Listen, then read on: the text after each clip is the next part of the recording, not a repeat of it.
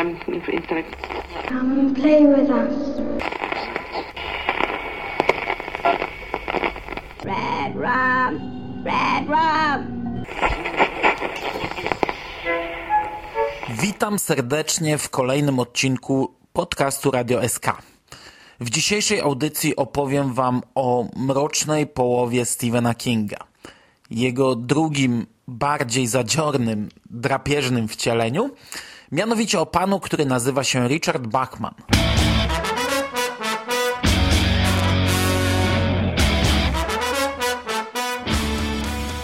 I już na wstępie wypada zaznaczyć, że materiały, które wykorzystałem do tego odcinka, w całości przygotował niejaki Burial. E, już dwukrotnie prowadziliśmy wspólną prelekcję zatytułowaną Richard Bachman Życie, twórczość i śmierć niezbyt miłego faceta.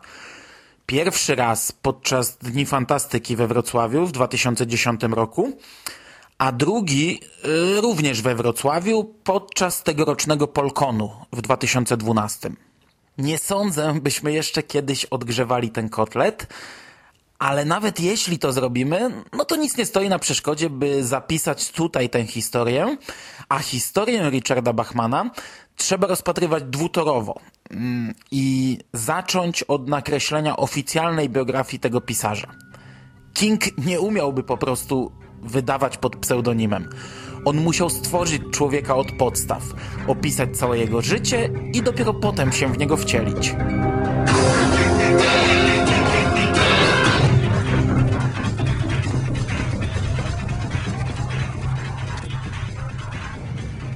Oficjalna biografia w dużym skrócie wygląda następująco.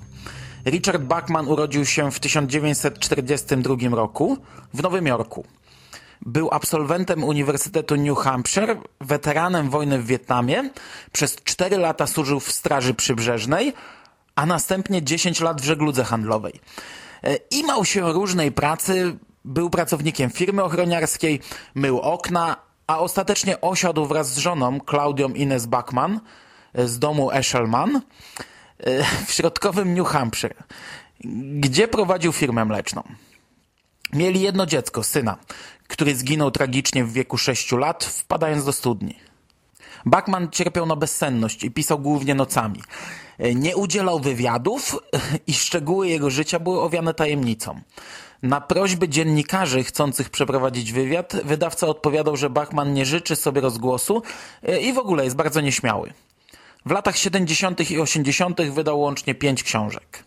Jego pierwsza wydana powieść to Rage, opublikowana we wrześniu 1977 roku.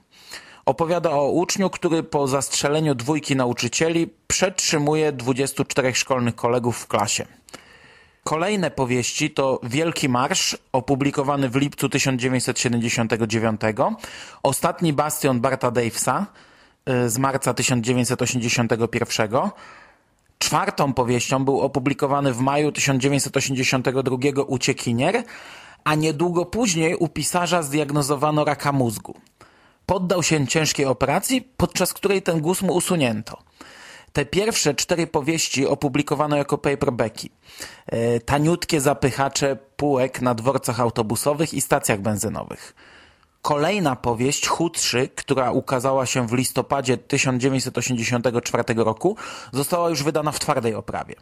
E, na okładce po raz pierwszy można było zobaczyć zdjęcie pisarza, podpisane jakoby było wykonane przez jego żonę, Klaudię. Jeszcze za życia autora Chudszy sprzedał się w nakładzie 28 tysięcy egzemplarzy. Bachman zmarł 9 stycznia 1985 roku w wyniku rzadkiej odmiany schizonomii.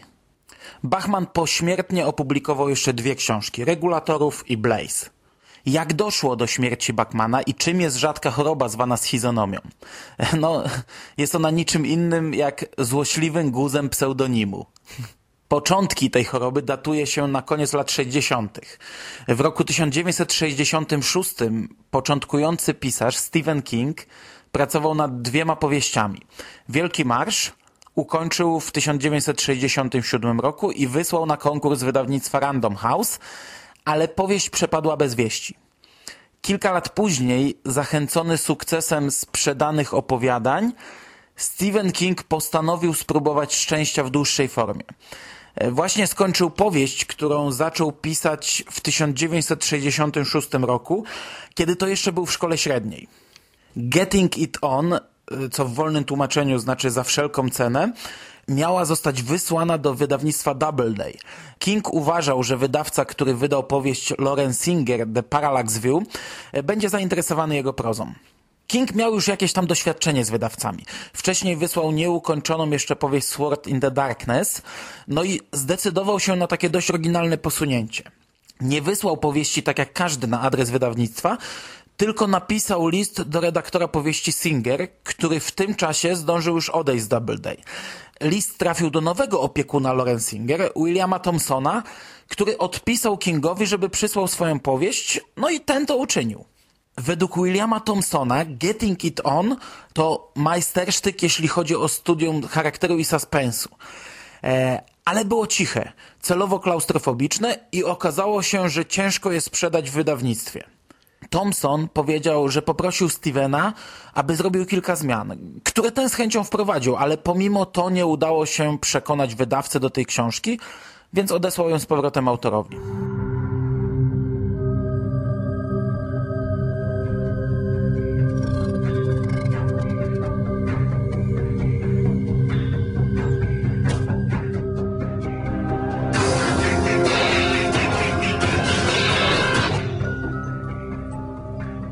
Mniej więcej w tym samym czasie King rozpoczął pracę jako nauczyciel angielskiego za niecałe 6400 dolarów rocznie. W 1971 roku podjął kolejną próbę. E, tym razem wysłał gorący materiał, który powstał w ciągu jednego 72-godzinnego weekendu. Futurystyczna powieść Uciekinier mm, ponownie została odesłana przez Thompsona, według którego, cytuję, to nadal nie był ten magiczny czas. Koniec cytatu. Stephen King spróbował jeszcze w innym wydawnictwie, no ale była to próba jeszcze bardziej dołująca dla tego młodego pisarza. E, King wspomina to tak. Trzy tygodnie po wysłaniu książki otrzymałem materiał z powrotem wraz z zimnym listem mówiącym Nie jesteśmy zainteresowani science fiction, które dotyczy negatywnych utopii. To się nie sprzedaje. King powiedział, że wymamrotał coś do żony na temat twórczości George'a Orwella i Jonathana Swifta, o tym, jak to radzili sobie z negatywnymi utopiami, po czym e, wrzucił książkę do szuflady. W styczniu 1973 roku Thompson dostał kolejny maszynopis Kerry, a już 15 lutego tego roku King kończył swoją kolejną powieść Blaze. Następnie rozpoczął pracę nad horrorem o wampirach Second Coming. E, w marcu nastąpił przełom. Doubleday zdecydowało się wydać Kerry. E, King dostał 2,5 tysiąca dolarów zaliczki, dzięki czemu mógł już całkowicie poświęcić się pisaniu. Kariera nabrała tempa jeszcze przed trafieniem powieści na półki. W maju Doubleday sprzedało prawa do wydania Kerry w miękkiej oprawie wydawnictwu New American Library za 400 tysięcy dolarów. W tym samym czasie Stephen King skończył drugą wersję Second Coming, które ostatecznie stało się miasteczkiem Salem. Już wtedy wiadomo było, że Kerry miała zostać wydana na wiosnę 1974 roku, kiedy miała miejsce osobista tragedia. 18 grudnia w wieku 60 lat zmarła matka pisarza Nellie Ruth Pittsburgh King. Krótko po śmierci matki, będąc jeszcze pod wpływem tego traumatycznego wydarzenia, King rozpoczął pracę nad powieścią Ostatni bastion Barta Davesa. W eseju pod tytułem Dlaczego byłem Bachmanem King wyznaje Myślę, że książka była próbą pogodzenia się ze śmiercią mojej matki w poprzednim roku, kiedy to rak zabrał ją cal po bolesnym calu.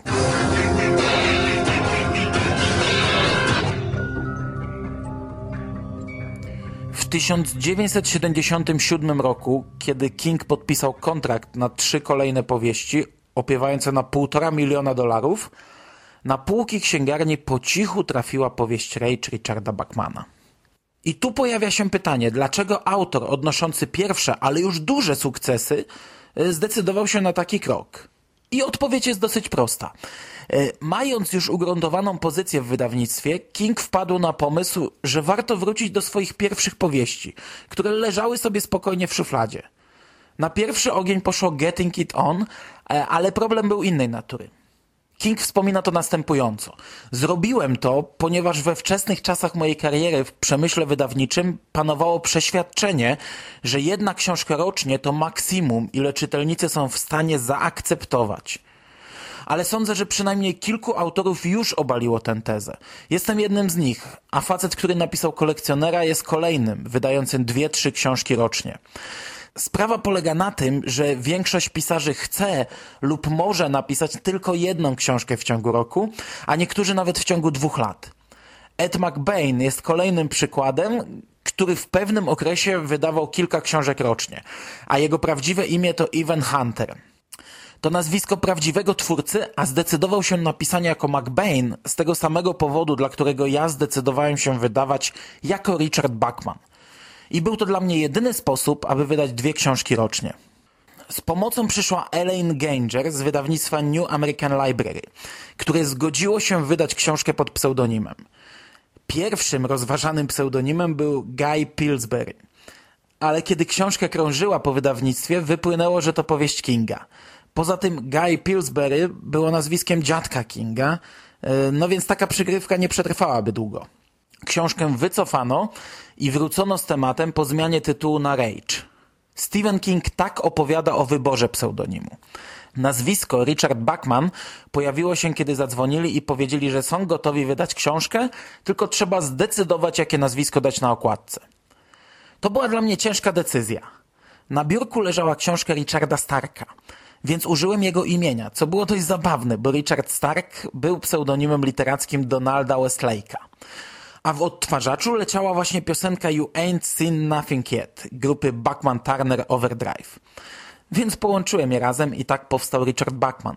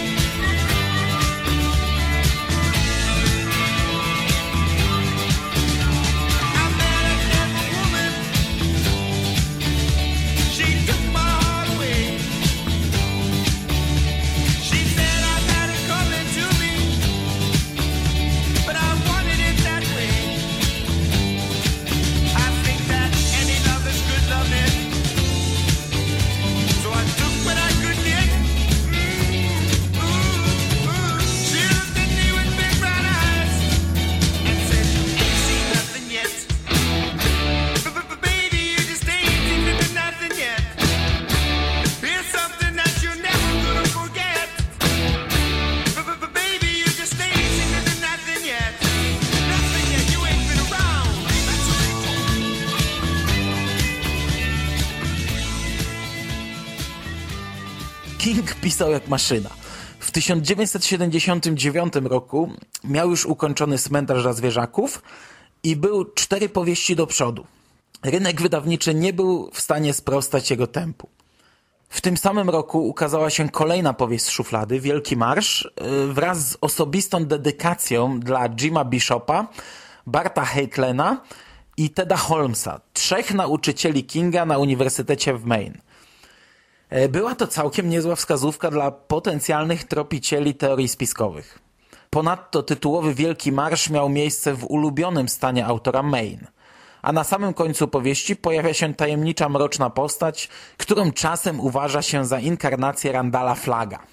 Trzecią wydaną powieścią pod pseudonimem była ta najnowsza, Ostatni Bastion Barta Davesa. Nie wiadomo dlaczego King zdecydował się wydać właśnie tę książkę, skoro w szufladzie zalegało jeszcze kilka innych tytułów. Może powodem były wspomniane okoliczności powstania tej książki. I tu ponownie mamy kilka nawiązań do uniwersum Kinga. Barton Daves, czyli główny bohater książki, pracuje w pralni Blue Ribbon, yy, która jest miejscem akcji opowiadania Maglownica, wydanego pod nazwiskiem Stephen King. W 1982 roku został wydany Uciekinier i był ostatnią powieścią Bachmana wydaną w miękkiej oprawie. W pewnym momencie akcja książki dzieje się na lotnisku w małym miasteczku Main Derry. No i pewnie byłaby to ostateczna przyczyna odkrycia prawdy o Bachmanie, no bo przecież Derry to jest fikcyjne miasto stworzone przez Kinga na potrzeby powieści To. I potem wielokrotnie umieszczany w książkach Kinga.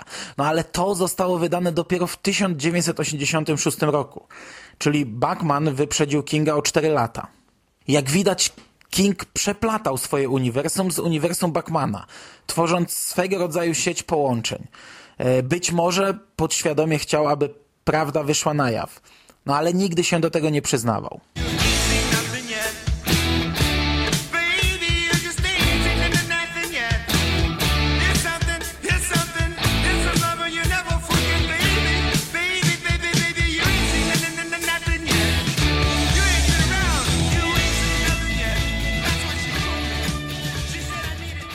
Cztery pierwsze książki, mm, Rage, Wielki Marsz, Ostatni Bastion oraz Uciekinier, uważa się za takie szablonowe książki autorstwa Bachmana. E, to są powieści, które różnią się od pozostałych zarówno sposobem wydania, jak i treścią i stylem. Potem jeszcze tylko Blaze yy, można było dołączyć do tej grupy, ale zarówno chudszy, jak i regulatorzy są doczepiane do listy książek Bachmana trochę na siłę, o czym więcej za chwilę. Chudszy trafił do księgarni w listopadzie 1984 roku. Pojawił się już w twardej oprawie, w wyższej cenie i z kampanią reklamową, która no, zwróciła większą uwagę czytelników na tego autora. Ponadto po raz pierwszy zamieszczono zdjęcie autora na okładce i krótką notkę biograficzną. Twarzy Richardowi Bachmanowi użyczył niejaki Richard Manuel.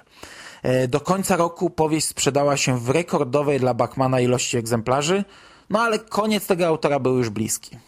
W Waszyngtonie pewien sprzedawca z księgarni e, był już na tropie wielkiej mistyfikacji. Nazywał się Steven P. Brown i twierdził, że podczas czytania prebuka chudszego zaledwie po dwóch stronach pomyślał albo to jest Stephen King, albo najlepszy na świecie imitator. Postanowił dokładniej przyjrzeć się sprawie i w końcu trafił do Biblioteki Kongresu, gdzie dotarł do dokumentów, określających prawa autorskie powieści Bachmana. O tym etapie poszukiwań Steven P. Brown opowiada następująco. Natrafiłem na prawa autorskie związane z nazwiskiem Kirby'ego McCalleya i był to mocny ślad, jako że McCalley był agentem Kinga. E, McCalley miał wielu klientów i już miałem się poddać, bo prawa autorskie najstarszej książki zostały zapisane jeszcze przed przejściem biblioteki na system komputerowy jednak nalegałem na pracowniczkę biblioteki, by ręcznie wyszukała odpowiedni dokument. Wróciła i podała mi go, a na nim było Stephen King, Bangor, Maine. Brown napisał list do agenta Kinga i dołączył zebrane dowody. Prosił o zgodę na napisanie artykułu, a po niespełna dwóch tygodniach otrzymał niespodziewaną odpowiedź. Wspomina to tak, że w księgarni, w której pracował, przez interkom usłyszał Steve Brown, telefon do Steve'a Browna na linii piątej. Odebrał i głos powiedział Steve Brown, mówi Stephen King. No dobra, wiesz, że Bachman to ja. Ja wiem, że to ja. I co z tym zrobimy? Pogadajmy. Przez trzy kolejne wieczory Brown przeprowadzał wywiad z Kingiem, który zapewnił go, że będzie jedyną osobą, której udzieli wywiadu na ten temat. W międzyczasie coraz więcej ludzi zaczynało kręcić się w koło tego tematu. 9 lutego 1985 roku Joan Smith z Bangor Daily News opublikowała artykuł pod tytułem Pseudonim ukrywał pięć powieści Kinga. Oczywiście był to tekst nieautoryzowany, ale mówiąc kolokwialnie, mleko się rozlało. Wokół sprawy zrobiło się coraz głośniej. Znajomi Richarda Manuela, który użyczył swojego wizerunku do zdjęcia zdobiącego okładkę chudszego, zaczęli również mówić, e, rozpoznając go na tym zdjęciu. Pojawiło się coraz więcej niepotwierdzonych informacji i zarzutów. E, między innymi dlatego 5 marca King opublikował w Bangor Daily News list wyjaśniający podstawowe kwestie, takie jak to, że pierwszą osobą, która odkryła prawdziwą tożsamość Bachmana był Steve Brown, Zdementował także zarzut, że próbował wpłynąć na datę ujawniania informacji, aby zarobić na sprzedaży praw do ekranizacji dwóch ostatnich powieści Bachmana.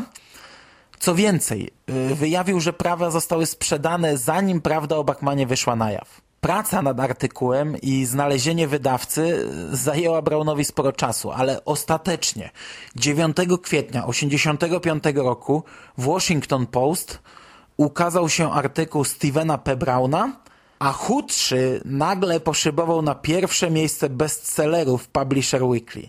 Kiedy okazało się, że Bachman to King, y, w księgarniach można było kupić jedynie dwie powieści, Uciekiniera i Chudszego. Jeden z fanów napisał list do lokalnej gazety, narzekając, że King celowo wydał pięć powieści, ale nie powiadomił o tym fanów. To takie złośliwe i okrutne, napisał fan z Minnesoty. Wydawca co chwila wypuszczał dodatkowe nakłady chudszego. Drugi w ilości 5 tysięcy egzemplarzy, trzeci i czwarty po 50 tysięcy i piąty dodruk 100 tysięcy egzemplarzy. Razem 231 tysięcy egzemplarzy. W odpowiedzi na nagły wzrost zainteresowania fanów w październiku 85 wydano The Bachman Books – Four Early Novels by Stephen King – wraz ze specjalnym wstępem autora zatytułowanym Dlaczego byłem Bachmanem. Najciekawszą rzeczą w całym zamieszaniu wokół Chudszego jest to, że King e, rozważał wydanie go pod własnym nazwiskiem. Ta książka pierwotnie nie miała ukazać się pod pseudonimem Richard Bachman i tak naprawdę ta książka różni się od wcześniejszych książek Bachmana. Wraz z powieścią Chudszy e, no, nie zakończyła się jednak historia Bachmana. King nadal bawi się w dopisywanie kolejnych wątków do życia tego pisarza, choć od tej pory e, robi to już z jajem. A może nie, yy, źle, zawsze było z jajem, ale teraz są to już jaja oficjalne.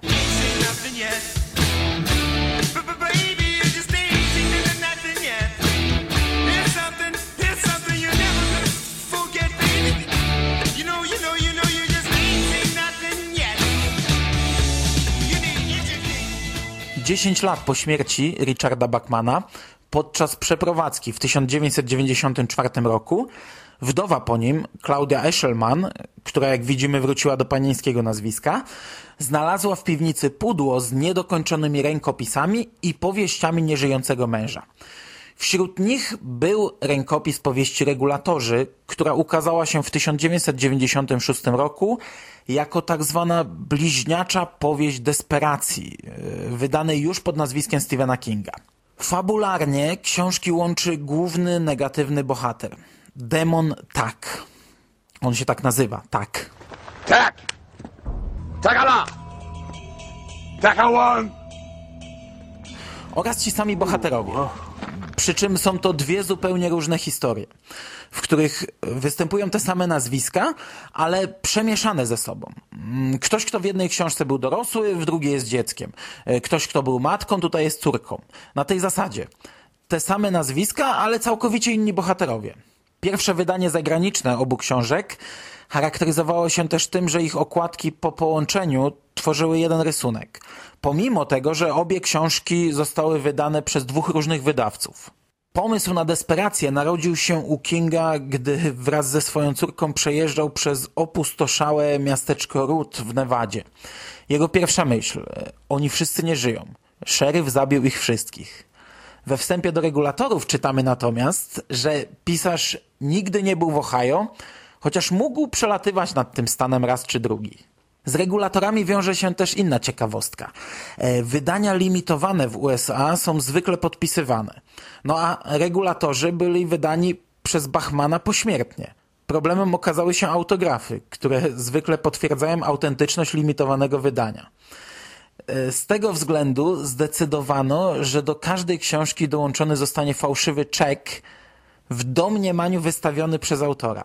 Zgodnie z zapisem w samej książce czeki zdobyto w rezydencji Bachmana i wszystkie zostały opatrzone odręcznym podpisem złożonym przez Stephena Kinga oraz dodatkowo każdy z nich został ciekawie wypełniony, nawiązując swoją treścią do książek napisanych właśnie przez Kinga.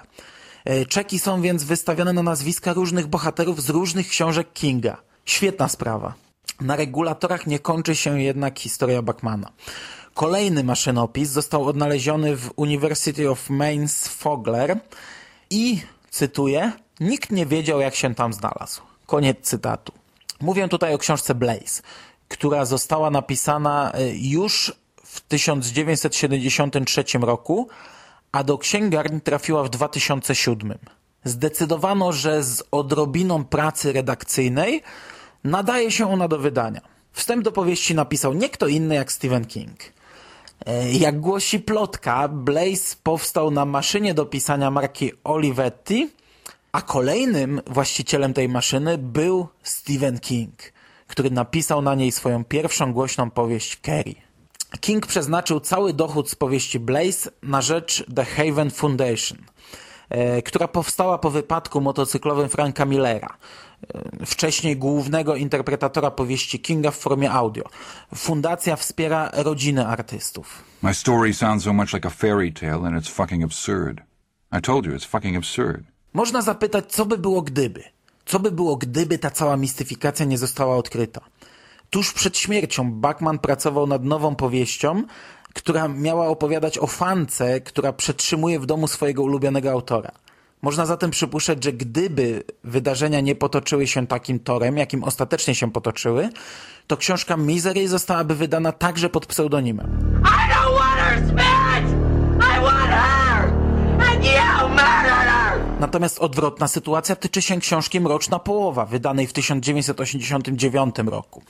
E, Książka rozpoczyna się notką od autora, w której czytamy Mam dług wdzięczności wobec świętej pamięci Richarda Bachmana. Darzył mnie pomocą i inspiracją. Bez niego ta książka nie przyszłaby na świat. I tutaj ciekawostką jest, że Mroczna Połowa opowiada właśnie o pisarzu, który równolegle z własnymi książkami publikuje też pod pseudonimem zupełnie inne, brutalne, wulgarne powieści sensacyjne. Uh, would you autograph your book for me? That's not my book. Isn't it? No. No. Look here. Pictures of phony. The name too. George Stark. E, Mamy tutaj analogiczną sytuację, kiedy to student rozwiązuje tajemnicę pisarza, e, z tym, że w tym przypadku nie zwraca się z prośbą do niego, a postanawia go szantażować. So what's he gonna write next? He's gonna write me a nice big check if he wants me to keep my mouth shut about this. And if he doesn't want? What if he doesn't care what you do? Oh, he wants. He cares. And if he doesn't, people around him do. They got a major league scam going here. I ostatecznie kończy w niezbyt przyjemny sposób.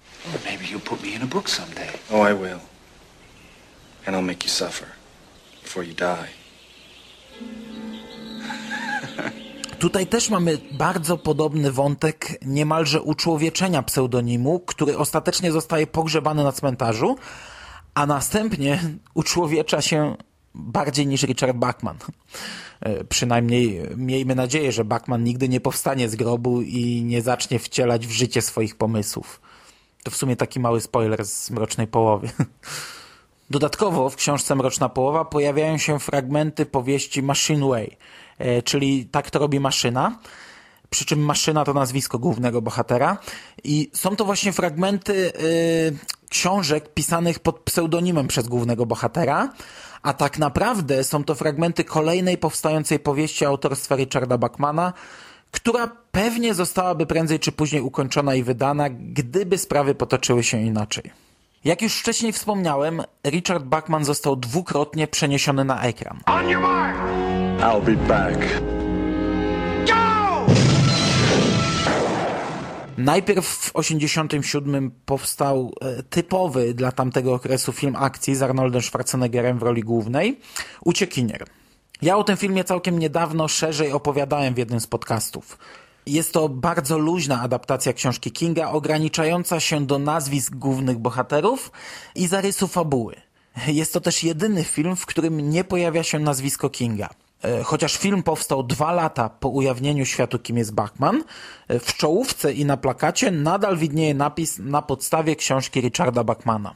Drugi film to w polskim tłumaczeniu Przeklęty z 1996 roku w reżyserii Toma Hollanda, oparty na powieści Chudszy. Jest to już taki typowy horrorek o klątwie, który, no co oczywiste, reklamowano już nazwiskiem Kinga. Killed my daughter, and I curse you. Sinner.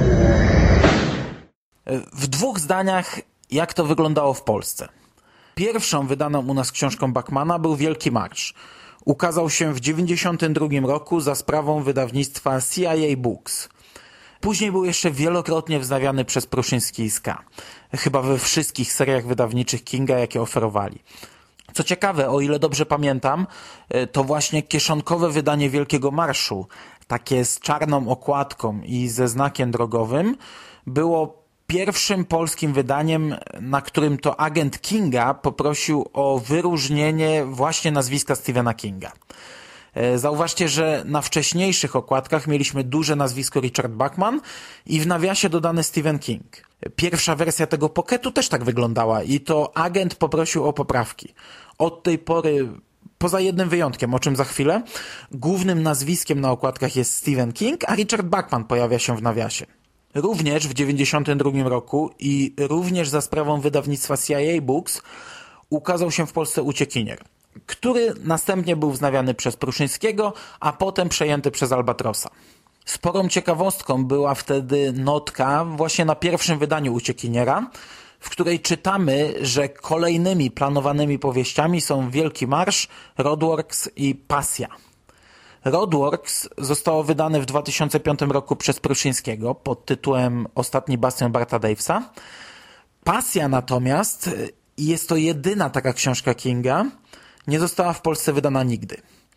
Chodzi tutaj oczywiście o książkę Rage, o której jeszcze trochę powiem za chwilę, a która, jak widać, w 1992 roku miała już polski tytuł, co pozwala przypuszczać, że istniał też polski przekład. No, ale niestety, wydawnictwo CIA Books dość szybko upadło. W 1997 roku Zysk Iska wydał Chudszego – którego w 2008 przejął Albatros. Również w 1997 wydawnictwo Prima wypuściło regulatorów. Co ciekawe, polskie pierwsze wydanie zdobiły identyczne okładki jak zagraniczne, które także tworzyły jeden rysunek. Książka ta była później wielokrotnie wznawiana i o ile dobrze liczę, doczekała się łącznie sześciu polskich wydań, co czyni ją obok Desperacji jedną z najczęściej wznawianych książek Kinga. W 2007 roku ukazała się u nas książka Blaze, która zapoczątkowała ciągnącą się do dzisiaj serię wydawniczą Kinga w Pruszyńskim. Trzech okładek z tej serii nie wykonał Vincent Chong i właśnie Blaze zdobi jedna z nich. Jest to okładka z oryginalnego wydania. I niestety polski wydawca zaryzykował i powielił wszystkie inne chwyty amerykańskiego wydawcy. Jako autor książki jest więc podany Richard Bachman, a King jest tutaj tylko autorem wstępu, e, co niestety w Polsce nie chwyciło. Fani i ludzie jakoś tam obracający się w Kingu e, załapali ten żart. E, no ale fani to jest margines czytelniczy. Książka miała tragiczną sprzedaż i spore konsekwencje w przyszłości. Wydawca dwoił się i troił, by naprawić błąd. Po czasie na książkach pojawiła się taka wielka pomarańczowa, żarówiasta naklejka, która zakrywała całą górną część okładki, na której było nazwisko Bachmana. Na naklejce był wielki napis Stephen King z malutkim dopiskiem jako Richard Bachman. No, no i tą naklejkę można było oczywiście bez trudu potem usunąć. W konsekwencji wyglądało to tak, że na okładce były dwa wielkie napisy Stephen King jako autor książki i jako autor wstępu do książki. Ostatecznie Blaze skończyła w kioskach ruchu. E, chyba jako jedyna książka Kinga, która trafiła do kioskowej dystrybucji. E, można ją było kupić za grosze, chyba 12 zł. Ja kupiłem, bo dokładali specjalną gazetkę o Kingu.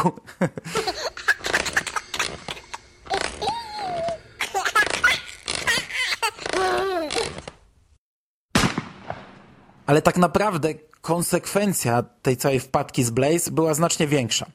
Przykładowo, w zapowiedziach Pruszyńskiego była już kolejna książka Kinga, Duma Key która miała zostać wydana pod oryginalnym tytułem, gdyż Duma Key no to jest nazwa wyspy, na której rozgrywa się akcja powieści. Wydawca stwierdził, że skoro Blaze y, się nie sprzedała, to nie ma możliwości, by kolejne książki Kinga były wydawane z anglojęzycznym tytułem. Może jest w tym trochę prawdy. Niebawem ukaże się taka książka niezwiązana kompletnie z tematem Fit, o której już mówiłem albo dopiero powiem coś niebawem w karpiowym podcaście. I gdy czytałem ją w wakacje, zanim jeszcze wydawca dołożył na okładce pierwszą polskojęzyczną część tytułu, no to znajomi pytali mnie, czy czytam książkę po angielsku. Z drugiej strony mamy jednak takie tytuły jak Kerry, Miasteczko Salem, Christine, Buick 8, Dance Macabre, Dolores Claiborne czy Colorado Kid – które jakoś się sprzedały pomimo anglojęzycznych tytułów. Wydawca jednak uparł się i dwoiliśmy się i troiliśmy, by wymyślić coś sensownego. Ja bardzo chciałem przepchnąć tytuł Wyspa Dumaki, argumentując właśnie miasteczkiem Salem. E, niestety nie było nawet mowy o tym, by w tytule był jakiś anglojęzyczny wyraz. E, nie pamiętam już, jakie były ostateczne wersje. E, nie ja wymyśliłem rękę mistrza, choć z tego co pamiętam, gdy już została taka ostatnia selekcja, to chyba byłem też za ręką mistrza. A to znaczy, że pozostałe tytuły musiały być słabsze. Jak na ironię, ręka mistrza sprzedała się świetnie, co tylko utwierdziło wydawcę w przekonaniu o winie tytułu. Czego skutki widzieliśmy jeszcze przed rokiem w przypadku Dallas 63, które swoją drogą też się świetnie sprzedało. Konsekwencje Blaze odbiły się też szerszym echem. Przykładowo, pierwsza wersja okładki Vincenta Chonga do wznowienia ostatniego bastionu Barta Davesa przedstawia na pierwszym planie drogę zwężającą się do linii widnokręgu, a na jej końcu był budynek, co miało mocne uzasadnienie fabularne, bo książka opowiada o kolesiu broniącym swojego domu, który ma zostać wyburzony, a na jego miejscu ma przebiegać autostrada. Niestety, według wydawcy okładka była zbyt podobna do okładki Blaze, więc domek musiał zniknąć i została sama droga. No i to na chwilę obecną tyle, jeśli chodzi o Richarda Bachmana w Polsce. Jak wiecie, książka Rage doczekała się fanowskiego przekładu i jest do znalezienia pewnie we wszystkich zakątkach piractwa. Daliśmy jej tytuł Gniew. O książce Rage ja mówiłem w jednym z pierwszych podcastów, w którym e, również opierałem się na prelekcji Buriala, więc pewnie już kilka razy zdążyłem się dzisiaj powtórzyć. Sprostuję może tylko jeden swój błąd z tamtej audycji. Wycofanie Rage ze sprzedaży często wiąże się z masakrą w Columbine High School. Owszem, wtedy też pewnie temat tej książki był poruszany w różnych kręgach, ale pamiętam, że już podczas nagrywania tamtej audycji coś mi się nie zgadzało z datami. Tymczasem powodem wycofania książki ze sprzedaży był inny incydent, e, a w zasadzie dwa incydenty. 2 lutego 1996 roku w liceum Moses Lake w stanie Waszyngton miała miejsce strzelanina, w której 14-letni Barry Dale Lukaitis zastrzelił nauczycielkę algebry i dwóch uczniów. Po oddaniu strzału do nauczycielki podobno zacytował bohatera książki Rage. Podczas procesu zarówno sprawca, jak i jego prawnicy twierdzili, że inspirował się on innymi powieścią Rage, a jej główny bohater Charlie Decker był dla niego wzorem do naśladowania. Sprawca masakry otrzymał dwa dożywocia plus 205 lat bez możliwości wcześniejszego zwolnienia. Prawie dwa lata później, 1 grudnia 1997 roku, w szkole średniej Heath High School w stanie Kentucky, również 14-letni Michael Carnell ostrzelał grupę modlących się uczniów, zabijając trzech i raniąc pięciu. W swojej szafce szkolnej sprawca miał egzemplarz książki Rage. W przeciwieństwie do poprzednika otrzymał dość łagodny wyrok. Dożywocia z możliwością zwolnienia po 25 latach, co nastąpi w 2023 roku.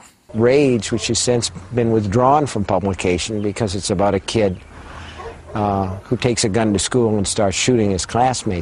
Stephen King zdecydował się usunąć książkę ze sprzedaży e, i tak wypowiedział się na ten temat. Napisałem wiele książek o nastolatkach, którzy pod wpływem różnych impulsów dopuszczają się aktów przemocy. Jednak Rage jest niemal podręcznikiem w znaczeniu tak można to zrobić.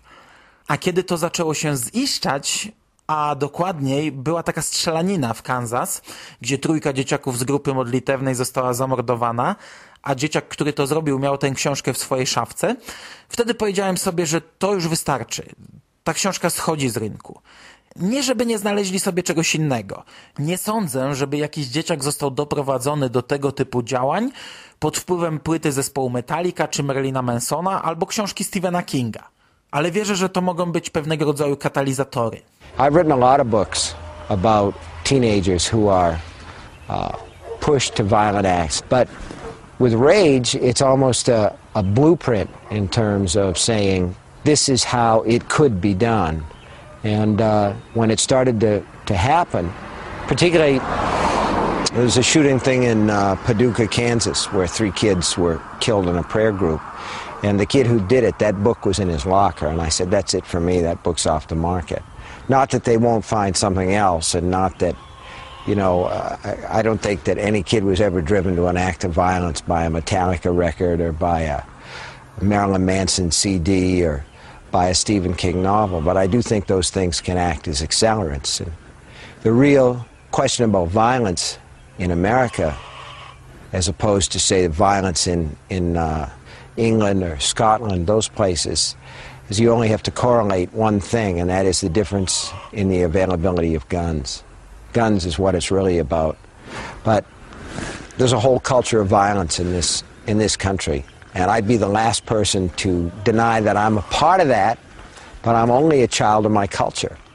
Do pewnego czasu książka nie ukazywała się samodzielnie, ale była wznawiana w zbiorze The Bachman Books. Natomiast już w XXI wieku Stephen King postanowił, że książka wylatuje również z tego zbioru. I mieliśmy już kilka wznowień, między innymi wydanie brytyjskie, w którym znajdują się tylko trzy powieści. I aby nie kończyć audycji tym niezbyt optymistycznym akcentem, mam jeszcze garść ciekawostek. Richard Bachman nie jest jedynym pseudonimem Stephena Kinga. Opowiadanie Piąta Ćwiartka, które ja omawiałem w podcaście ze skórą, a dokładniej omawiałem jego ekranizację, pierwotnie ukazało się pod pseudonimem John Sweeten.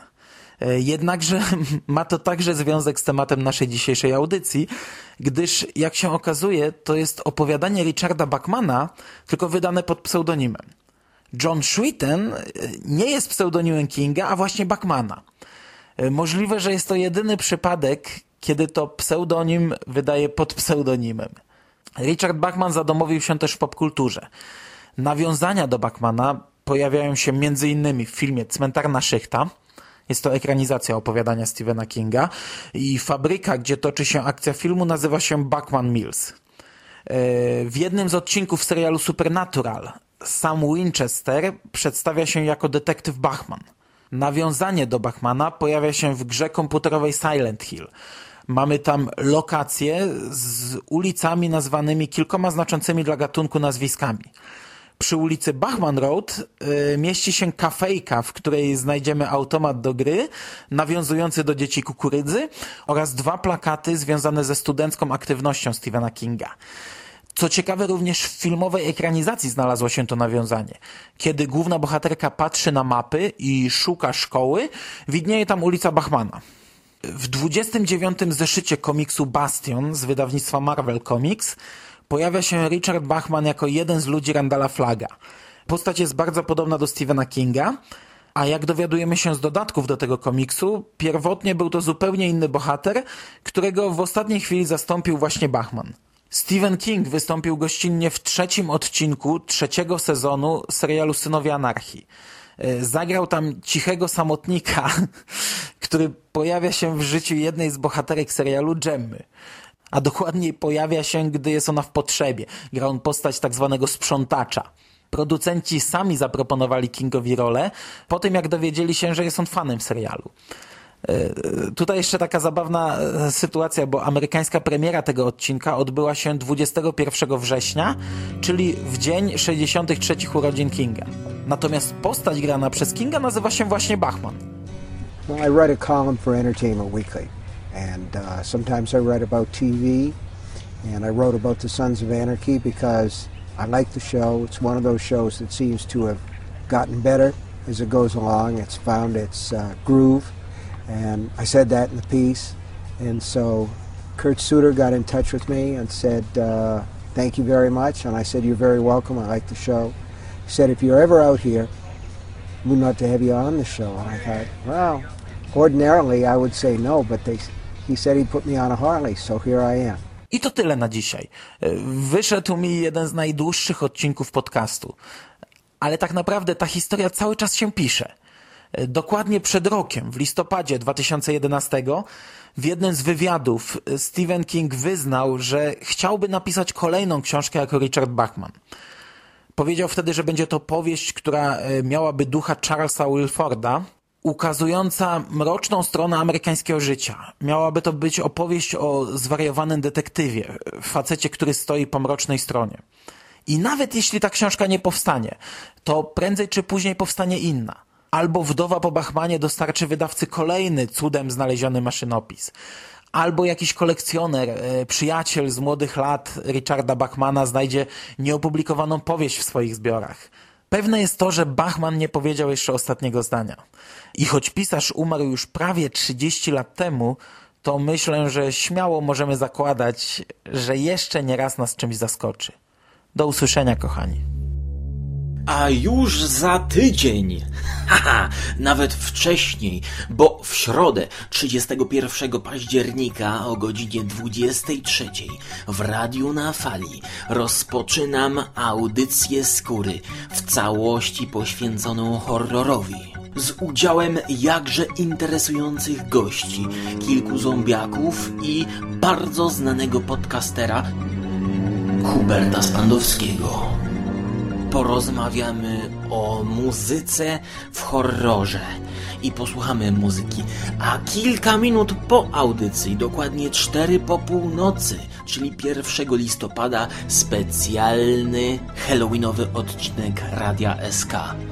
Tak więc przygotujcie cukierki, bo my szykujemy dla Was niezłe psikusy.